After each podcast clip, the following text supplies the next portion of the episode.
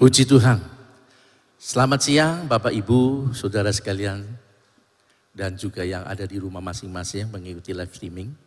Berkat kasih karunia Bapa kiranya turun bagi kita semua dalam limpah kasih sayang Tuhan Yesus. Puji Tuhan. Ini selamat siang men, eh, pagi menuju siang memangnya. Jadi saya percaya saudara semua sudah sarapan. Amin. Sudah sarapan. Amin. Ngaku aja. Kami para pelayan tadi juga sudah sarapan, jadi lebih fit pelayanannya. Cuman hati-hati setelah itu nanti datang kantuk. Jadi serius dalam mendengarkan firman Tuhan. Nah Bapak Ibu yang dikasih Tuhan, karena ada beberapa jemaat pemula yang ngikutin tanya jawab di WA saya, sering kali nanya, kenapa Bapak Gembala kalau perjamuan suci kok selalu ngomong jangan makan seperti makanan biasa, harus dengan iman, dengan percaya, jangan sampai menolak. Kok kayak sakral banget gitu ya. Ya memang sakral. Jadi saya mau sedikit memberikan penjelasan soal ini. Betapa pentingnya memang perjamuan kudus. Jangan sampai dihindari apalagi ditolak ya. ya. Nah saya mengambil ayatnya di ayat yang biasa dibawakan di dalam perjamuan kudus di 1 Korintus 11, 23 sampai 26. Firman Tuhan berbunyi demikian. Sebab apa yang telah kuteruskan kepadamu, telah aku terima dari Tuhan. Yaitu bahwa Tuhan Yesus pada malam waktu ia diserahkan, mengambil roti dan sesudah itu ia mengucap syukur atasnya. Ia memecah-mecahkannya dan berkata, inilah tubuhku yang diserahkan bagi kamu Perbuatlah ini menjadi peringatan akan aku. Lanjut. Demikian juga ia mengambil cawan sesudah makan. Lalu berkata, cawan ini adalah perjanjian baru yang dimeteraikan oleh darahku. Perbuatlah ini setiap kali kamu meminumnya. Menjadi peringatan akan aku. Sebab setiap kali kamu makan roti ini dan minum cawan ini, kamu memberitakan kematian Tuhan sampai ia datang. Itu adalah kalimat perjamuan suci di mana kita nanti sebenar akan bersekutu dengan tubuh dan darah Yesus. Nah Bapak Ibu, kalau sudah berbicara tentang perjamuan suci, maka perjamuan kudus atau perjamuan suci atau perjamuan kudus itu yang terdiri dari roti dan anggur tidak dapat lepas dari sejarahnya ya, yaitu Paskah. Saudara bisa baca di kejadian pasal 12 itu. Eh sorry, keluaran ya salah ya. Bukan di kejadian itu saya salah ketik. Keluaran 12, terima kasih Yosef. Pada pasca pertama ada dua kematian. Yang pertama bagi bangsa Israel ada kematian anak domba Paskah di tiap-tiap keluarga. Bagi bangsa Mesir ada kematian semua anak sulung baik manusia dan binatang. Ini pasca pertama. Dan bagi bangsa Israel yang tidak mau percaya dengan firman Tuhan, lalu tidak melakukan penyembelihan domba pasca, kematian juga berlaku. Ya, meskipun dia bangsa Israel. Udah dikasih tahu, dikasih firman, orang ngandel, orang percaya. Mati juga saudara. Jadi harus dengan iman, dengan percaya. Saudara perjamuan suci ini pun kita harus terima dengan iman dan harus dipercaya kalau itu tubuh dan darah Yesus. Persekutuan dengan tubuh darah Yesus. Harus percaya. Saudara mau makan minum perjamuan suci berpuluh-puluh kali kalau saudara nggak percaya, seenaknya saja. Saudara seperti makan makanan biasa, ya seperti saudara makan ondeman, bleng aja begitu. Minum anggur kayak nenggak minuman biasa, tidak ada, tidak ada pengaruh. Tapi harus punya iman dan mempercayai. Saudara, kenapa orang mau pergi ke dukun? Karena percaya. Betul? Dia pergi ke dukun karena percaya. Dan jangan sampai ada anak-anak Tuhan datang ke gereja, iya pergi ke dukun, iya. Dipercayanya sama mana ini? harus kepada Tuhan. Pergi ke dukun karena orang itu percaya. Bayangin suraku, maaf dibodohin ya. Saudara bisa bayangin kalau dukun itu biasanya kan ya, maaf kata ya. Biasanya ya penampilannya seperti pertapa-pertapa, nggak mandi, nggak gosok gigi lagi ya. Terus kemudian dia kubur-kumur, ngomong semprot, push, kok mau aja suraku disemprot. Bayangin kalau sudah tidak gosok gigi, terus dia baru makan jengkol, kayak apa baunya saudara. Tapi orang percaya, kan aneh. Nah di hadapan Tuhan suraku, ini bukan cuman ibadah, tetapi perjamuan kudus adalah sebuah sesuatu yang nyata yang harus kita alami. Ya, bukan hanya sebuah apa namanya ritual gerejawi, tetapi sesuatu yang harus dialami. Sampai Tuhan ngomong inilah tubuhku. Baik kita lanjut aja terus saudaraku ya. Nah daging domba paskah, kalau nanti surah baca ya, itu dimakan dengan roti tidak beragi berserta dengan sayur pahit. Kalau nanti saudara baca di rumah. Nah sayur pahit yang dalam bahasa Ibrani itu marar. Itu mengingatkan Israel tentang kepahitan mereka yang diberbudak selama 430 tahun di Mesir. Dalam keluaran 12 ayat 40 itu. Kenapa harus pakai sayur pahit sih? Pak, kan lebih enak pakai capcay lah gitu ya sapu tahu. Kok sayur pahit? Karena Tuhan ingin supaya mereka ingat, ingat loh kamu dulu tuh kayak apa. Kalau nggak ditebus sama Tuhan, hidupmu penuh dengan kepahitan tanpa Tuhan. Karena tidak mempercayai Tuhan. Ya, mereka dibuang, mereka diperbudak sampai 430 tahun. Kemudian dalam tradisi Yahudi ditulis bahwa mereka makannya dengan dicelup dengan garam. Garam ini berbicara tentang air mata mereka yang setiap saat, tiap waktu menangis. Sehingga kalau saudara baca nanti di keluaran 3 ayat 7, ya kalau nggak salah, ya, 3 ayat 7 betul kayaknya. Mereka berseru, menangis, minta tolong sama Tuhan. Jadi sayur pahit dengan rasa asin itu mengingatkan tentang siapa kita sebelumnya. Orang-orang yang kalau tidak karena belas kasihan Tuhan, terus ada di dalam perbudakan Mesir yang berbicara tentang perbudakan dosa. Yang pada endingnya akhirnya kita akan dibinasakan dalam maut. Nah kita masuk kepada roti dan anggur perjamuan sekarang. Roti yang tidak beragi, jadi aslinya memang roti itu tidak beragi ya. Satu ketul kemudian dipecah-pecahkan. Kalau sekarang kan belum dipecahkan sudah terpisahkan. Ya, Bunder-bunder kayak sempeleo ya sudah di modern sih ya. Tetapi memang tetap harus dengan iman ya, tetap harus iman. Percaya. Roti yang tidak beragi berbicara tentang tubuh Kristus tanpa dosa, tanpa ragi. Itu berbicara tanpa dosa. Betul Yesus adalah manusia sama seperti kita, mendiami tubuh seperti kita. Bisa rasa capek, makanya dia sering kali menyuruh muridnya menyendiri ya untuk istirahat. Tetapi Yesus adalah tubuh manusia yang tanpa dosa, yang diserahkan. Dalam terjemahan lain mengatakan yang dihancurkan karena dosa kita. Jadi lengkap, sudah diserahkan untuk dihancurkan. Dipecah, dicambuk, dan disalibkan. Itu berbicara tentang roti uh, yang tidak beragi itu. Nah kemudian anggur ini perlambangan dari darah anak domba, yaitu darah Yesus. Nah kemudian dalam tanya jawab itu yang bertanya, Pak, itu kan di pasca darah bukan anggur. Bisa saya gambarannya pakai anggur. Masa kita mau minum getih darah kan nggak mungkin saudaraku ya. Ini ada sejarahnya nggak asal ngomong saudaraku. Kenapa memakai roti dan aku gereja tidak bukan bukan sesat. Memang pakai anggur dan anggur itu lambang dari darah. Dari mana diambilnya? Saya lihat catatannya saudaraku ya. Ini saudara yang nanti ikut live streaming bisa mendengar dan juga yang hadir. Sejarah dari sejarah dari roti dan anggur sendiri sudah diperkenalkan jauh sebelum adanya Paskah, saudara. Yang dibawa oleh Melkisedek. Mari kita lihat ayatnya.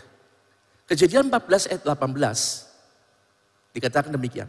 Melkisedek Raja Salem membawa roti dan anggur. Ini sebelum ada Paskah loh saudara. Ia seorang imam Allah yang maha tinggi. Lanjut ayat 19. Lalu ia memberkati Abram. Abram ini nama Abraham, nama awal Abraham sebelum dijadikan Abraham. Awal namanya Abram. Jadi kalau ada bilang orang yang pakai nama Bram, Bram, Bram, Bram, ah mungkin dari sini. Abram. Lalu yang memberkati Abram katanya diberkatilah kiranya Abram oleh Allah yang maha tinggi. Pencipta langit dan bumi dan seterusnya. Saudara lihat bahwa melalui roti dan anggur. Melkisedek yang adalah imam besar gambaran Kristus waktu itu. Membuat perjanjian berkat keselamatan bagi Abram. Nah perjanjian yang sama itu Yesus buat melalui roti dan anggur. Anggur yang adalah darahnya sendiri itu. Menjadi anggur buat kita sebagai apa namanya korban dari darahnya dicurahkan lewat perjamuan kudus kita ini. Jadi ada yang bilang ini gereja ngabur, aslinya kan rotinya oke lah roti beragi. Tapi tidak ada anggur loh, darah domba. Mana ada gereja pakai darah domba sungguhan itu perlambangan. Saudaraku yang Tuhan kasih berbicara perlambangan ya. Di dalam uh, orang-orang yang suka belajar teologi tentunya, ya yang suka belajar itu ada istilah namanya analogi otentik. Analogi otentik adalah lambangnya seperti itu tapi dia juga begitu. Misalnya, akulah pintu, Yesus bukan pintu. Tetapi Yesus memang pintu untuk masuk dalam keselamatan. Akulah terang, Yesus Allah bukan terang, tapi dia memang terang. Jadi ini namanya analogi perlambangan otentik. Dan Tuhan berkata inilah tubuhku yang dipecahkan. Itu roti Pak. Iya betul tapi karena Yesus pun betul-betul seperti roti itu yang tubuhnya dipecahkan. Itu namanya analogi otentik. Memang seperti itu. Perlambangannya dan, dan prakteknya memang seperti itu. Yesus berkata akulah gembala yang baik. Yesus bukan cuma juru selamat, tapi dia juga gembala kita yang baik. Ya, Walaupun seumur hidupnya Tuhan nggak pernah mengembalakan kambing domba. Sebab kambing dombanya adalah analogi otentik kita inilah domba-dombanya Tuhan. Kita memang bukan domba, tetapi otentiknya kita seperti domba yang dikembalakan. Domba itu nggak bisa sudah aku dilepas begitu aja, gampang sesat. Jadi harus dikembalakan. Ya. Jadi seperti itu, ya. Jadi roti dan anggur, Melkisedek membuat perjanjian, lalu perjanjian yang sama itu Kemudian Tuhan buat melalui roti dan anggur sampai pada zamannya kita sekarang. Jadi terjawab ya. Kenapa harus pakai anggur bukan darah kan kalau dihubungkan pasca harus darah. Tidak. Anggur itu perlambangan otentik dari apa yang masih banyak sebetulnya ayat-ayat lain saudaraku ya. Sekarang tentang roti perjamuan. Dikatakan demikian, inilah tubuhku yang diserahkan bagi kamu. Perbuatlah ini menjadi peringatan akan aku. Tadi sudah saya jelaskan. Inilah tubuhku, roti yang diangkat. Yang diserahkan bagi kamu, dihancurkan. Perbuatan ini menjadi peringatan akan aku. Nah kata kalimat tubuhku, kalau saudara hubungkan dalam Yohanes 6 ayat 51, itu disebutkan dagingku. Kalau di Korintus bilang inilah tubuhku. Tapi kalau sudah baca Yohanes 6 ayat 51 disebut inilah dagingku. Analogi otentik. Daging, daging siapa itu roti? Kristus. Dagingnya sekali lagi yang sudah dipecahkan. Ya, melalui penderitaan di salib bagi kita. Nah istilah daging ini menunjuk pada Yohanes 1 ayat 14. Kita lihat ayatnya. Firman itu telah jadi manusia. Firman itu telah jadi manusia, menjadi daging. Wujudnya manusia. Dan diam di antara kita. Dan kita telah melihat kemuliaannya, yaitu kemuliaan yang diberikan kepadanya sebagai anak tunggal Bapa, penuh kasih, karunia dan kebenaran. Jadi roti yang kita makan itu adalah pribadi Yesus, pribadi Yesus yang adalah firman. Menyatu dengan kehidupan kita. Ya. Terus tentang anggur dan perjamuan. Anggur berbicara tentang darah Yesus. Di dalam darah ada nyawa. Jadi nyawa dibayar dengan tebusan nyawa. Itulah Tuhan bilang inilah darahku. Yang diangkat adalah anggur. Darah Yesus menjadi perjanjian atau jaminan penebusan dosa kita. Jadi roti yang adalah firman Allah itu kita makan menjadi daging kita. Darah itu pun menjadi menyatu manunggal dengan kita. Sehingga kita dengan Tuhan firman dan perjanjian firman Allah itu menjadi darah daging kita. Penebusan Tuhan itu. Kita lihat Imamat 17 ayat 11 saudara. Dikatakan demikian, karena nyawa makhluk ada di dalam darahnya. Dan aku telah memberikan darah itu kepadamu di atas mesbah untuk mengadakan pendamaian bagi nyawamu. Karena darah mengadakan pendamaian dengan perantaraan nyawa. Itulah sebabnya jemaat Tuhan orang Tegal tidak boleh makan marus. Ngerti marus? Dadih, bukan dadih sih ya, marus. Darah yang dibekukan, biasa dijual di pasar ya, dipotong rajang terus dikasih apa namanya serundeng. Saya dulu waktu kecil nggak ngerti makan itu saudara. Itu darah. Kenapa? Di dalam darah ada nyawa. Jadi mulai sekarang saudaraku jangan makan darah. Amin. Memang ada makanan lain. Maka jangan makan darah. Tuhan nggak suka. Ada nyawa di situ. Nggak boleh lagi makan darah ya. Marus. Kalau potong ayam harus dipotong, jangan dipelintir lehernya. Katanya kalau darahnya uh, tertahan manis. Itu ajaran dari mana? Tidak ada. Itu namanya sadisme. Dipelintir. Saya kalau makan ayam goreng saya periksa-periksa bolong ora ya. Tahu-tahu rapat kabeh ya. Contohnya pelintir.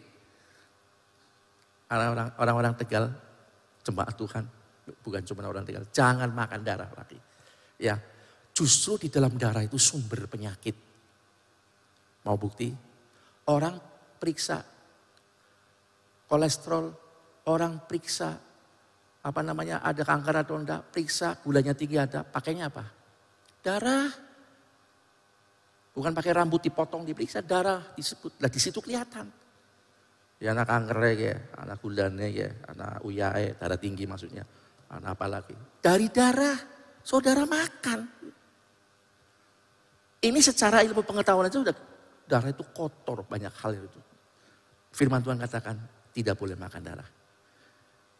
Ya. Tapi minum darah anggur itu bukan berarti kita itu boleh minum bukan. Itu berbicara persekutuan oleh penebusan darah Yesus yang menguduskan kita dari dosa. Nyawa dibayar dengan nyawa. Ya. Kalau sudah baca dalam keluaran 24 ayat 8 itu berbicara tentang perjanjian darah itu. Ya.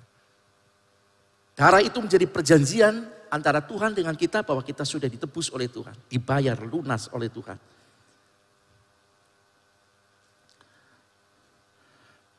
Nah di dalam perjanjian baru pun ditulis suraku dalam Matius 26 ayat 28 dikatakan demikian. Sebab inilah darahku, darah perjanjian yang ditumpahkan bagi banyak orang untuk pengampunan dosa. Ada tanda darah di zaman tabernakel Musa sebelum Yesus lahir itu penebusannya pakai domba dipotong atau lembu kalau orang yang tidak mampu tuh pakai burung tekukur. Ya. Atau burung puter. Itu darahnya dipercikkan di mesbah. Ditutup pendamaian.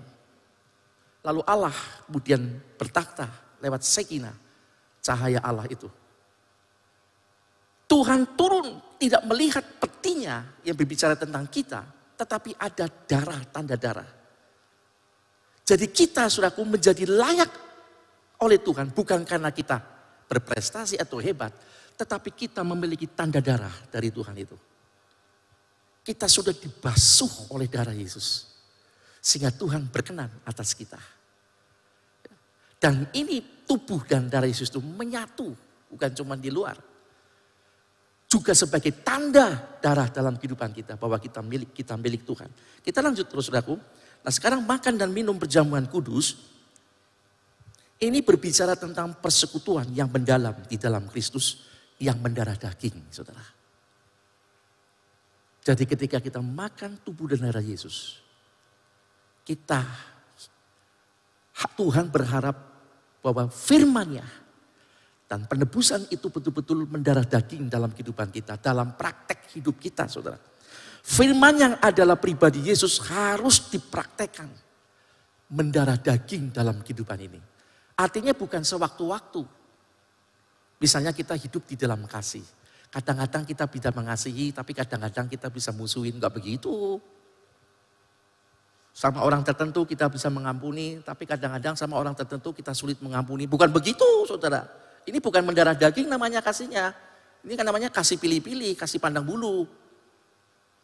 Tapi mendarah daging itu betul-betul menjadi seperti nyanyian menghidupi ya. Hidupi kebenaranmu. Firman itu betul-betul dihidupi. Dan ini dinyatakan komitmen kita lewat kita persekutuan kita dengan tubuh dan darah Yesus yang betul-betul kita nikmati. Menjadi tubuh dan darah Yesus. Mendarah daging maksudnya dalam kehidupan kita. Sehingga pelan-pelan kita berjalan maju untuk semakin hari semakin disempurnakan.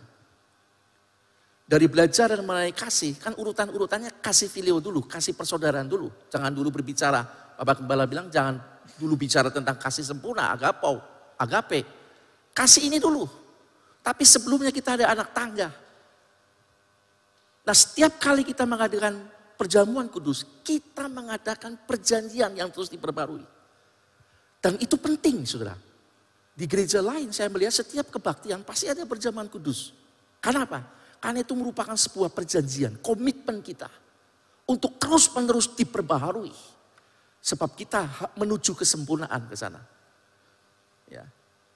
Jadi Tuhan ingin itu betul-betul mendarah daging dalam kehidupan kita. Kemudian saudaraku yang Tuhan kasih, roti perjamuan dalam bahasa Ibrani itu ditulis dengan paneh Pak Ajim.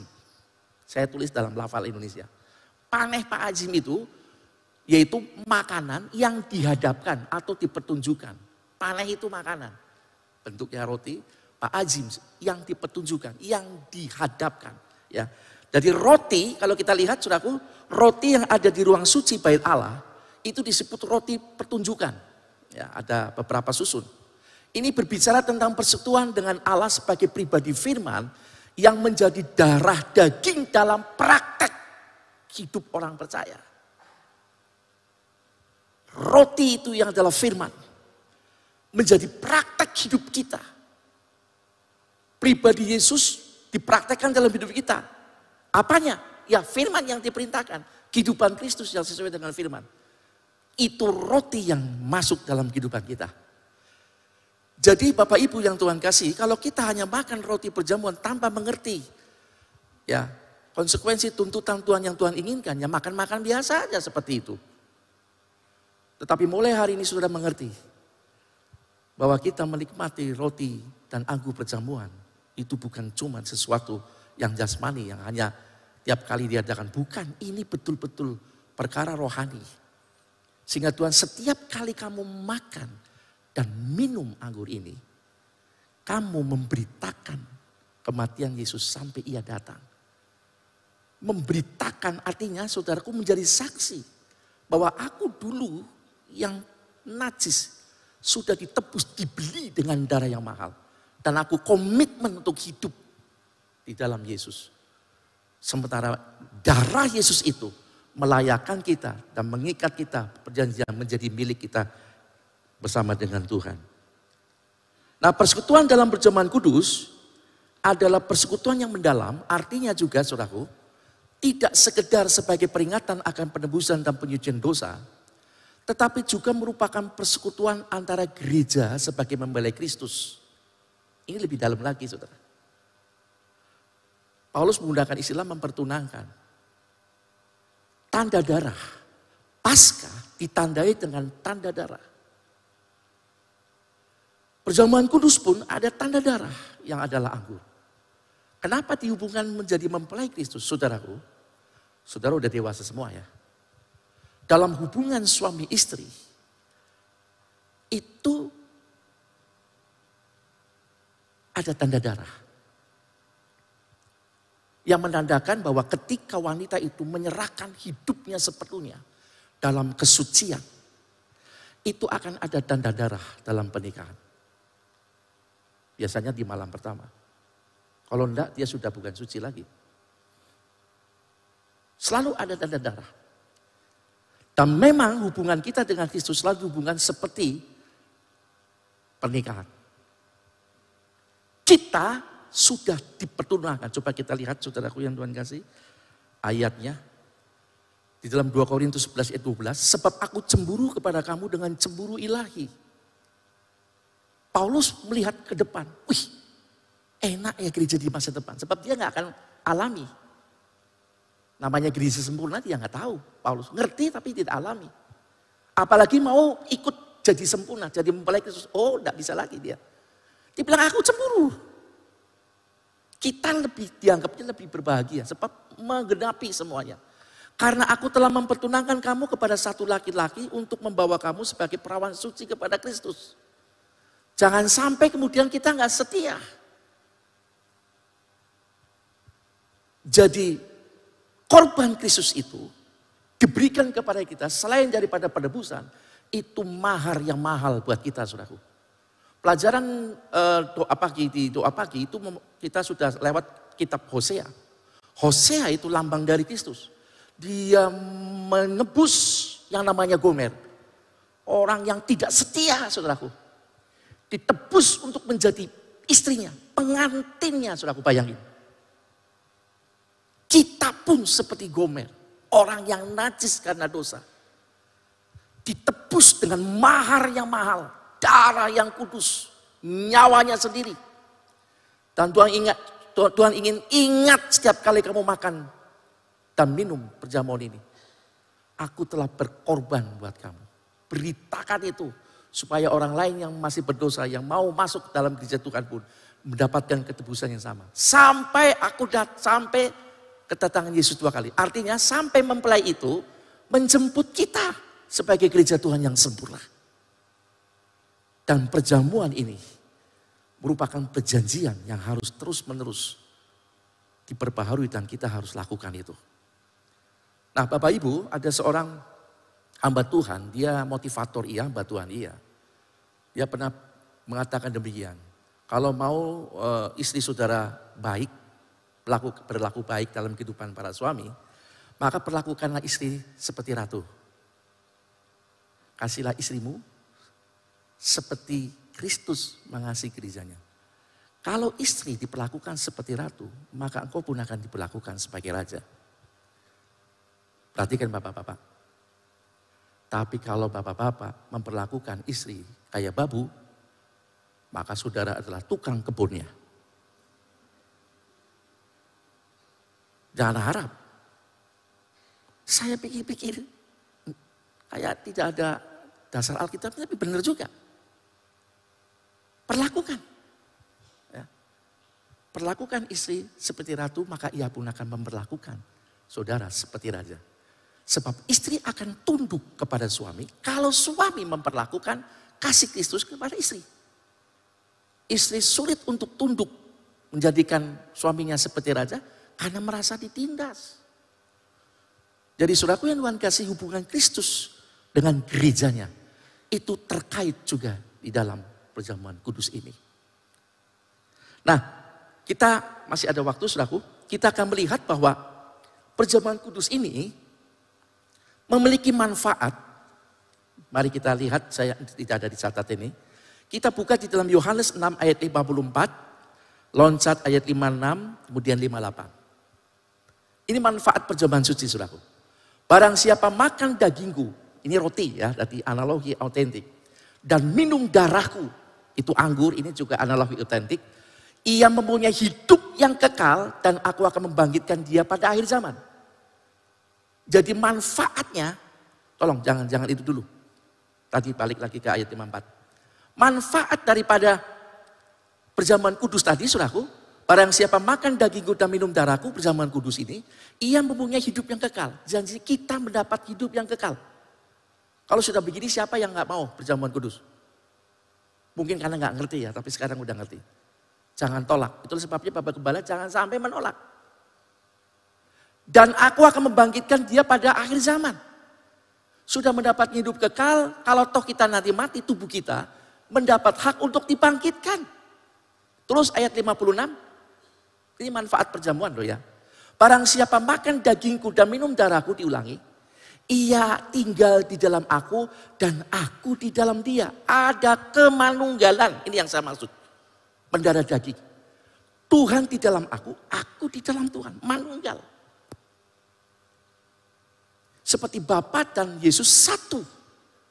Tuhan berkata, aku dan Bapa akan datang kepadanya. Ada di dalam hidup kita lewat pribadi roh kudus. Ini luar biasa sekali saudara. Ya. Jadi mengapa perjamuan suci jangan buat main-main? Ini loh, Lo masih ada satu ayat lagi, ayat 58. Inilah roti yang telah turun dari surga, bukan roti seperti yang dimakan nenek moyangmu. Dan mereka telah mati. Barang siapa makan roti ini, ia akan hidup selama-lamanya. Roti hidup selama itu adalah firman Allah. Dimakan dan dipraktekkan manunggal. Itu yang membuat kita hidup kekal. Jadi saudaraku, kalau saya dapat simpulkan bahwa perjamuan kudus memiliki makna kita akan mendapat uh, eh, manfaatnya adalah kita akan memiliki hidup yang kekal. Kedua, kita akan bersatu dengan Tuhan dalam kemenang, kemanunggalan. Firman Allah di dalam hidup kita kita praktekkan dan kita ada hidup di dalam Tuhan. Karena firman Allah yang kita praktekkan itu manunggal di dalam hidup kita. Lalu yang ketiga, kita punya hak untuk dibangkitkan pada kebangkitan pertama. Orang-orang percaya. Jadi Bapak Ibu, ini sesuatu yang paten, yang nggak pernah bisa tidak dirubah lagi. Ini berlaku buat kita. Itulah sebabnya kenapa Bapak Gembala selalu berulang-ulang. Sekarang sudah terjawab. Karena memang perjamuan kudus tidak boleh dengan main-main. Di dalamnya ada makna yang menguntungkan buat kita ada sesuatu yang Tuhan ingin hidup di dalam kita. Kita di dalam Yesus, Yesus di dalam kita. Dan kelak. Ada yang sudah badek biasa, kita kita musim Melayu ini, baik Bapak Gembala, ya iya. Kelak kita akan masuk kepada gereja yang terpilih dan gereja yang disempurnakan. Jangan pernah main-main, apalagi menolak perjamuan kudus. Sebab itu merupakan perjanjian Tuhan. Kepemilikan Tuhan atas hidup kita.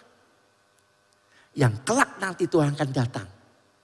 Menjemput orang-orang yang betul-betul menjalankan kesetiaannya.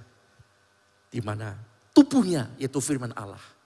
Menyatu dalam kehidupan kita, dalam praktek kehidupan kita. Dan tanda darah kepemilikan Allah itu. Bahwa kita setia kepada Tuhan. Apa pun yang terjadi. Sehingga muncul suraku Ya, bukan cuma slogan tapi komitmen kita. Sekali Yesus tetap Yesus ada pada kita. Kelak ketika ketemu dengan Tuhan, kita tidak akan seperti ditolak seperti orang dalam Matius 7 itu ya. Aku nggak kenal kamu, tidak. Tuhan mengenal. Sebab ada tanda darah dalam kehidupan kita. Ada firman Tuhan ya, yang kita hidupi. Sehingga kita dikatakan betul-betul menjadi serupa dengan Kristus. Kita kerjakan saudaraku ya, hari demi hari. Jangan pernah menyerah. Mungkin saudara gagal di bidang ini, tapi terus bangun hubungan dengan Tuhan. Terus bangun hubungan dengan Tuhan. Sebab dalam persekutuan ini saudaraku, hubungan itu akan mem mem mem memunculkan penyembahan.